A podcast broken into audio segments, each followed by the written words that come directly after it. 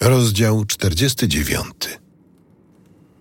Jakub przywołał swoich synów i powiedział do nich: Zgromadźcie się, a opowiem wam, co was czeka w czasach późniejszych. Zbierzcie się i słuchajcie, synowie Jakuba. Słuchajcie, Izraela, ojca waszego. Rubenie, tyś syn mój pierworodny, tyś moją mocą i pierwszym owocem mojej męskiej siły, górujący dumą i górujący siłą, kipiałeś jak woda. Nie będziesz już górował, bo wszedłeś do łoża twego ojca. Wtedy zbezcześciłeś moje łoże, wchodząc do niego. Symeon i Lewi, bracia, narzędziami gwałtu były ich miecze. Do ich zmowy się nie przyłączę, z ich knowaniem nie złączę mej sławy, gdyż w gniewie swym mordowali ludzi i w swej swawoli kaleczyli bydło. Przeklęty ten ich gniew, gdyż był gwałtowny i ich zawziętość, gdyż była okrucieństwem. Porozdzielam więc ich w Jakubie i rozproszę ich w Izraelu. Judo, Ciebie sławić będą bracia Twoi. Twoja bowiem ręka na karku Twych wrogów. Synowie Twego Ojca będą Ci oddawać pokłon. Judo, młody lwie, na zdobyczy ruść będziesz, mój synu. Jak lew się czai, gotuje do skoku, do lwicy podobny. Któż się ośmieli go drażnić? Nie zostanie odjęte berło od Judy, ani laska pasterska zabrana spośród jego kolan, aż przyjdzie ten, do którego ono należy i zdobędzie posłuch u narodów. Przywiąże on swego osiołka w winnicy i źrebie ośle u winnych latorośli. W winie prać będzie swą odzież i w krwi winogron swą szatę. Będą mu się iskrzyły oczy od wina, a zęby będą białe od mleka. Zabulon mieszkać będzie na wybrzeżu morza. Nad brzegiem morza będzie on przystanią dla okrętów. Kraniec jego w Sydonie i Sahar, osioł kościsty, będzie się wylegiwał, ufny w swe bezpieczeństwo. Widzi on, że dobry jest spoczynek, a kraj uroczy, ale będzie musiał ugiąć swój grzbiet pod brzemieniem i stanie się niewolnikiem zmuszonym do pracy.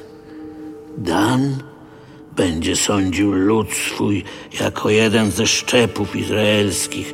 Będzie on jak wąż na drodze, jak żmija jadowita na ścieżce, kąsająca pęciny konia, z którego jeździec spada na wznak. Wybawienia Twego czekam, o Panie. Gad. Zbójcy napadać go będą, on zaś będzie następował im napięty. Od Asera tłuste pokarmy on będzie dostarczał przysmaków królewskich. Neftali jak rozłożysty terebint, dający miłe przepowiednie. Józef, latorośl owocująca, latorośl owocująca nad źródłem, gałązki pną się po murze. A choć łucznicy będą go prześladować, godzić w niego i na niego czyhać, łuk jego pozostanie niezłamany i ręce jego sprawne, dzięki potężnemu Bogu Jakuba, w imię pasterza i opoki Izraela, dzięki Bogu Ojców Twoich, który Cię będzie wspomagał, dzięki Wszechmogącemu, który ci będzie błogosławił. Będą to błogosławieństwa z niebios wysokich, błogosławieństwa z najgłębszych otchłani, błogosławieństwa piersi i łona, błogosławieństwa Ojca Twego, niech dłużej trwają niż błogosławieństwa mych przodków.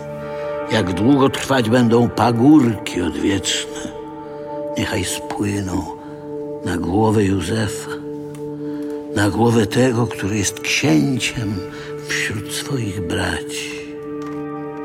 Beniamin, wilk drapieżny, co rano rozrywa zdobycz, a wieczorem rozdziela łupy. Wszyscy ci to dwanaście szczepów izraelskich, a to do nich powiedział ich ojciec, wygłaszając do każdego z nich stosowne błogosławieństwo, gdy im błogosławił. Potem tak im przekazał. Gdy ja się połączę ze swymi przodkami, pochowajcie mnie przy moich praojcach w pieczarze, która jest na polu Efrona Hittyty, w pieczarze, która jest na polu Makpela w pobliżu Mamre, w kraju Kanaan, a którą kupił Abraham wraz z tym polem od Efrona Hittyty, tytułem własności grobu. Tam pochowano Abrahama i Sarę, jego żonę. Tam pochowano Izaaka i jego żonę Rebekę. Tam pochowałem Pole to wraz z pieczarą zostało kupione od synów Heta. Gdy Jakub wydał te polecenia swoim synom, złożył razem swe nogi na łożu, wyzionął ducha i połączył się ze swoimi przodkami.